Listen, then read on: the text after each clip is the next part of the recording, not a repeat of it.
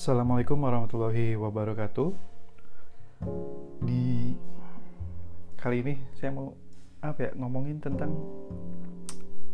apa sih histori uh, COD? Kenapa banyak customer kita yang minta COD? Terus langkah-langkah preventif apa kalau misalkan kita nggak mau main COD gitu? Seperti yang teman-teman tahu kalau udah ngedengerin materi sebelumnya bahwa saya nggak pernah main COD gitu kan. Dan berbagai alasannya teman-teman bisa dengerin lagi di materi sebelumnya. Di sini uh, saya mau apa ya sharing atau kasih tahu pandangan saya kenapa sih COD itu ada? Gitu dan bagaimana cara kita menanggulangi kalau misal eh, menanggulangi ya langkah-langkah preventifnya bagaimana kalau kita nggak mau main COD gitu kan. Kalau misalkan kita kembali ke zaman-zaman jualan di Kaskus sekitar 2010, 2006, 2006 sampai 2010 itu dulu juga saya masih eh apa jualan di Kaskus gitu kan.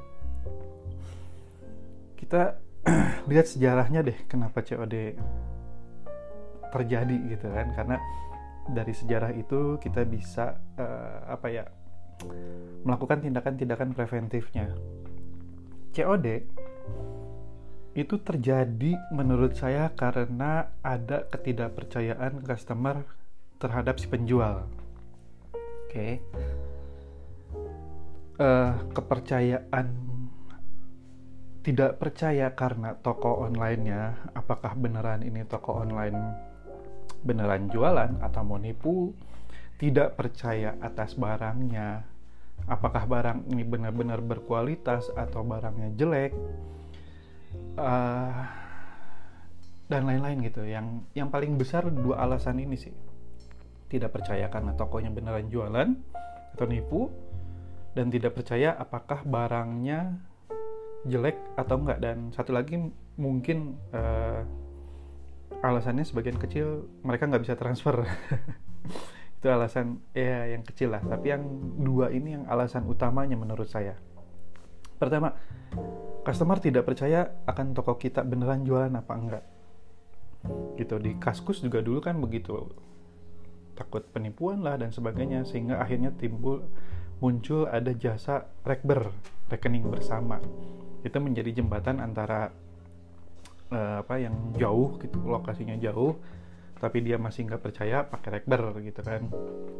Nah dari masalah itu masalah ketidakpercayaan berarti kan kita bisa mengatasinya dengan bagaimana cara kita meyakinkan customer bahwa kita beneran jualan bahwa kita beneran mm, nggak mm, nipu gitu bahwa kita beneran memang mengirimkan produk kita ke customer gitu dan akhir-akhir ini pun juga kan banyak penipuan-penipuan toko online kan yang seperti teman-teman tahu mungkin yang paling sering dijadikan bahan penipuan itu adalah jualan handphone. Jualan handphone BM dari Batam gitu kan dan sebagainya. Dan tidak memungkinkan juga barang-barang lain juga ada yang dijadikan bahan penipuan gitu kan Nah, bagaimana caranya kita untuk meyakinkan customer bahwa kita itu benar-benaran jualan? Yang pertama, ya mungkin yang paling sederhana adalah menggunakan testimoni. Terus gimana kan kalau saya baru pertama kali jualan belum punya testimoni? Waktu itu udah saya pernah buat materinya bagaimana cara mendapatkan testimoni pertama kali. Gitu, teman-teman bisa nonton lagi. Kedua, kita membangun kredibilitas dari toko online kita mulai dari bagaimana cara kita menyapa customer, terus bagaimana kita membangun image kita di mata customer mulai dari website, terus halaman Instagram, terus Facebook page-nya itu kelihatan ya walaupun misalnya kita tidak bisa bikin yang pro pro banget gitu ya kita mendekati lah mendekati. Yang kedua menggunakan foto dan video yang terlihat profesional begitu. Walaupun kadang-kadang itu jadi bumerang dalam artian ya saya nggak nggak nggak sedikit juga banyak yang beranggapan bahwa foto-foto saya itu ngambil dari Google. Padahal saya foto sendiri gitu kan. foto produk sendiri mungkin karena terlalu saking bagusnya dengan toko on bukan toko online besar gitu kan punya foto bagus oh ini pasti ngambil dari Google enggak gitu. Teman-teman kalau yang foto produk sendiri terus apa namanya uh, foto produk sendiri foto produknya bagus cara preventifnya adalah foto lagi dengan komposisi yang sama pakai kamera yang sama tapi simpen bisa printan logo atau stiker toko teman-teman di foto tersebut gitu. Di dekat produknya bahwa beneran ini produk kita pegang. Lalu apa namanya? Ini ada loh logo kita. Kayak teman-teman jualan di kaskus dulu mungkin ada yang pernah ngalamin ada yang belum. Jadi mereka foto produknya terus ada tulisan ID kaskusnya biasanya gitu kan. Nah kita pakai uh, bisa pakai logo, bisa pakai namanya, nama toko online kita atau pakai alamat website kita gitu. Itu apa ya cara ngasih tahu bahwa kita memang pegang produknya begitu kan. Terus bisa juga kalau misalkan teman-teman punya stok banyak, stok yang menumpuk, misalkan produknya itu bisa difoto juga gitu dengan uh, menempelkan identitas toko online kita begitu. Jangan jangan diedit di Photoshop ditambahin logonya jangan gitu kelihatan lagi kayak ngedit gitu kan kalau bisa yang real gitu misalkan kalau punya bannernya simpen ada bannernya di situ foto stoknya gitu kan terus kedua uh, saya juga pernah pada saat sebelum pengiriman pasti saya foto-foto dulu gitu kan. Pengiriman banyak saya foto di situ dan kelihatan ada uh, pengirimnya toko online kita gitu. Itu bisa uh, menaikkan trust dari toko online kita gitu. Kedua masalah eh, produk. Ketidakyakinan customer terhadap produk kita bagus apa enggak sih? Sesuai dengan hmm, apa namanya ekspektasi mereka enggak sih? Nah itu bisa kita counter dengan testimoni. Pertama testimoni. Tapi yang paling utama adalah kita sendiri yakin bahwa uh, produk kita memang bagus gitu kan? Jadi mungkin buat teman-teman yang masih dropship ini agak susah karena yang masih dropship itu kadang-kadang si supplier uh, nakal. Dalam artian nakal kadang-kadang kita kan nggak bisa kontrol kalau dropship kan karena kita nggak quality control sendiri gitu barang yang mau dikirim. Kadang-kadang ada aja si seller yang ngirimin barangnya misalkan yang kualitasnya jelek gitu kan atau yang reject terus dia kirim dan berharap nggak komplain gitu kan. Padahal customer kita komplain dan image yang jeleknya itu toko kita bukan si supplier begitu kan. Kecuali kalau misalkan kita ngirim barang sendiri dan kita punya kontrol penuh terhadap barang kita. Kita sudah yakin bahwa barang yang dikirim barang yang berkualitas dari segi bahan dan semuanya kita udah bagus nih menurut kita gitu kan. Nah itu apa ya?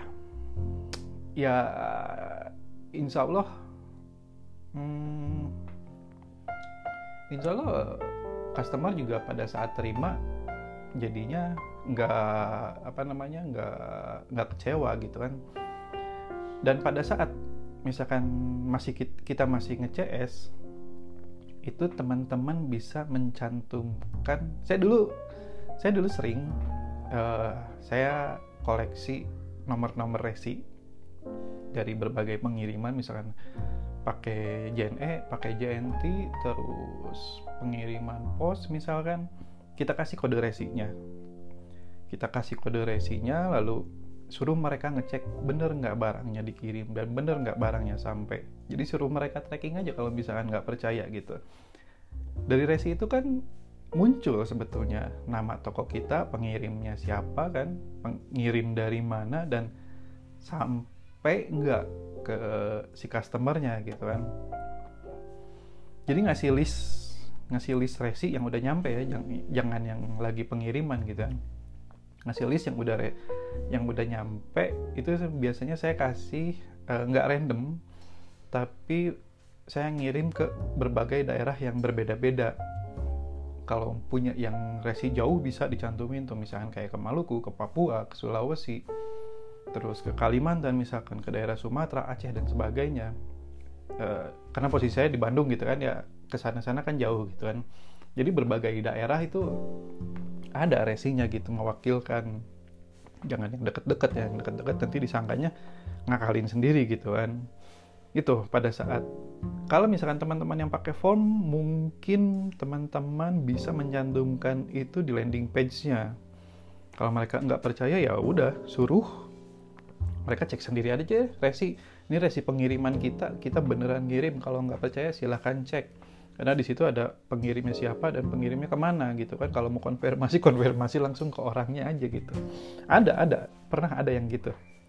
Dan dia bilang oh iya bener gitu kan. Barangnya udah dikirim. Ya udah akhirnya dia beli. Lalu berikutnya adalah kita menggunakan pihak ketiga. Oke okay? pihak ketiga. Dan ini tidak semua orang mungkin bisa lakukan. Karena kalau misalkan kita jualan produk dropship dari marketplace dan produk tersebut di marketplace ada itu jadi jadi blunder sebetulnya ya. Walaupun misalkan kita udah pakai teknik renaming dan sebagainya itu jadi blunder karena orang bisa mencari bukan hanya orang bisa mencari kadang-kadang sih misalkan contoh Tokopedia aja ya Tokopedia di bawahnya itu akan dia mensuggest uh, produk-produk yang sama atau yang mirip. Akhirnya jadi blunder sendiri nanti kita beda lagi kasusnya kalau misalkan kita punya produk sendiri gitu kan ya udah kita bikin toko online-nya di marketplace itu sebagai uh, gateway mereka untuk beli. Oke, okay?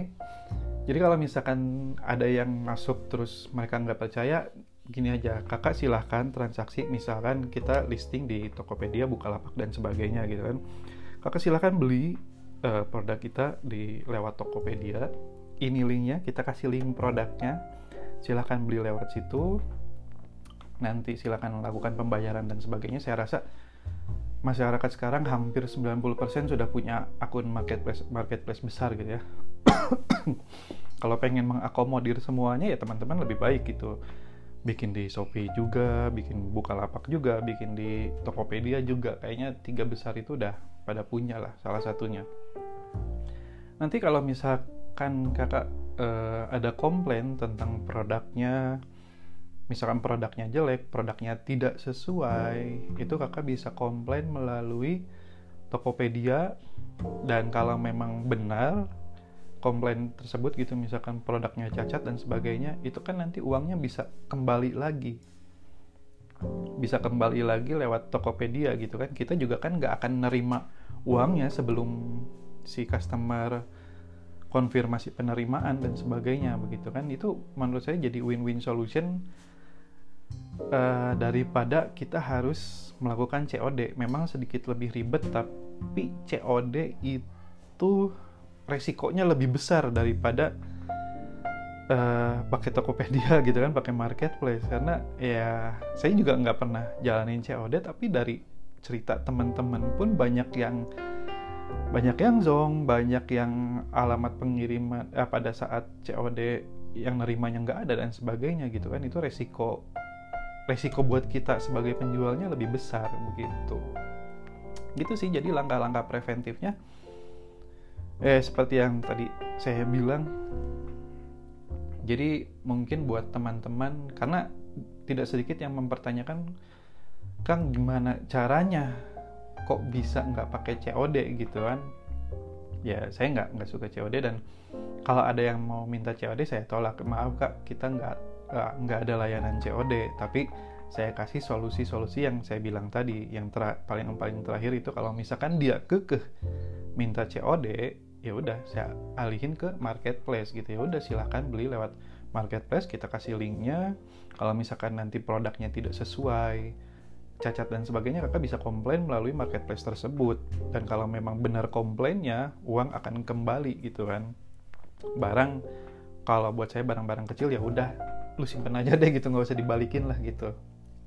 Tapi kalau barang-barang gede ya pasti di di retur lagi gitu kan. Kayak begitu. Jadi buat saya itu uh, langkah langkah-langkah preventif yang bisa teman-teman lakukan kalau mau tidak menggunakan COD gitu dan itu yang saya lakukan selama ini. Kenapa banyak uh, marketplace marketplace besar melakukan COD ya itu karena banyak permintaan gitu kan. Bahkan tadi juga ada yang lagi yang lagi curhat masalah dia pakai COD kenapa? Karena yang bisa transfer pun mereka uh, lebih memilih COD gitu kan. Ya itu balik lagi karena ketidakamanan mereka. Mereka merasa tidak aman kalau belanja di kita. Tidak aman karena tokonya nggak meyakinkan, tidak aman karena produknya tidak meyakinkan gitu. Untuk produk yang tidak meyakinkan mungkin kalau misalkan yang bisa dibuatkan videonya dalam artian kalau fashion mungkin tidak terlalu mewakili ya. Kalau kayak teman-teman jualan gadget yang ada fungsi-fungsinya misalkan itu bisa dibuatkan ya kayak video-video YouTube youtuber-youtuber yang review gitu kan. Maksudnya ini loh fungsinya ini uh, barang ini bisa begini barang ini bisa begini. Kalau atau misalkan teman-teman berjualan tas uh, misalkan tas laptop atau tas kamera gitu kan ini loh tasnya bisa muat uh, laptop sampai 15 in atau 18 in misalkan kita kasih lihat ini masuk gitu kan. Terus bisa muat kamera misalkan satu body kamera tiga lensa tiga lensa besar dan sebagainya. Ini masuk loh begitu. Dan fungsi-fungsi yang lainnya misalkan ini pada saat kita simpen di mana pada saat kita pakai bagaimana itu enak gitu. Dan itu bisa meyakinkan uh, customer secara fungsinya. Karena tidak sedikit juga yang beli ke saya kayak saya waktu jualan tas itu ini muat nggak sih laptop sekian? Ini muat nggak? Ya kayak gitu-gitu kan bisa terwakili. Begitu. Uh, mudah-mudahan terjawab pertanyaan teman-teman yang menanyakan kok bisa sih saya nggak pakai COD gitu kan selain memang saya tolak saya alihkan ke marketplace dengan toko kita juga gitu kan.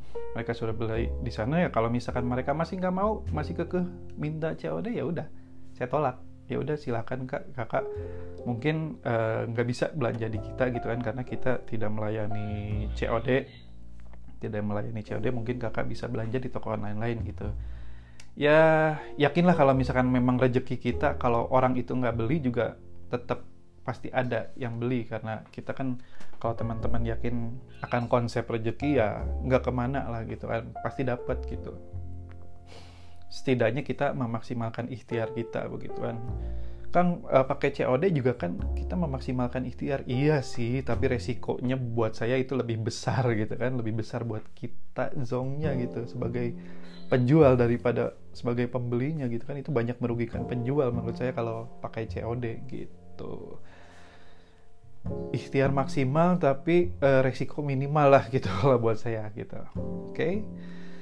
Uh, ya saya juga nggak mau ngejar penjualan banyak karena nerima COD tapi resikonya juga gede saya nggak mau gitu kan saya nggak mau terlalu banyak bermain beresiko gitu karena banyak karyawan yang harus dihidupin kalau resikonya gede uang lama cairnya dan sebagainya wah itu zong banget ah kesel Oke, sekian. Uh, kalau ada yang mau bertanya lebih lanjut, mungkin nanti saya bahas lagi. Silahkan tanya lewat Telegram. Terima kasih. Assalamualaikum warahmatullahi wabarakatuh. you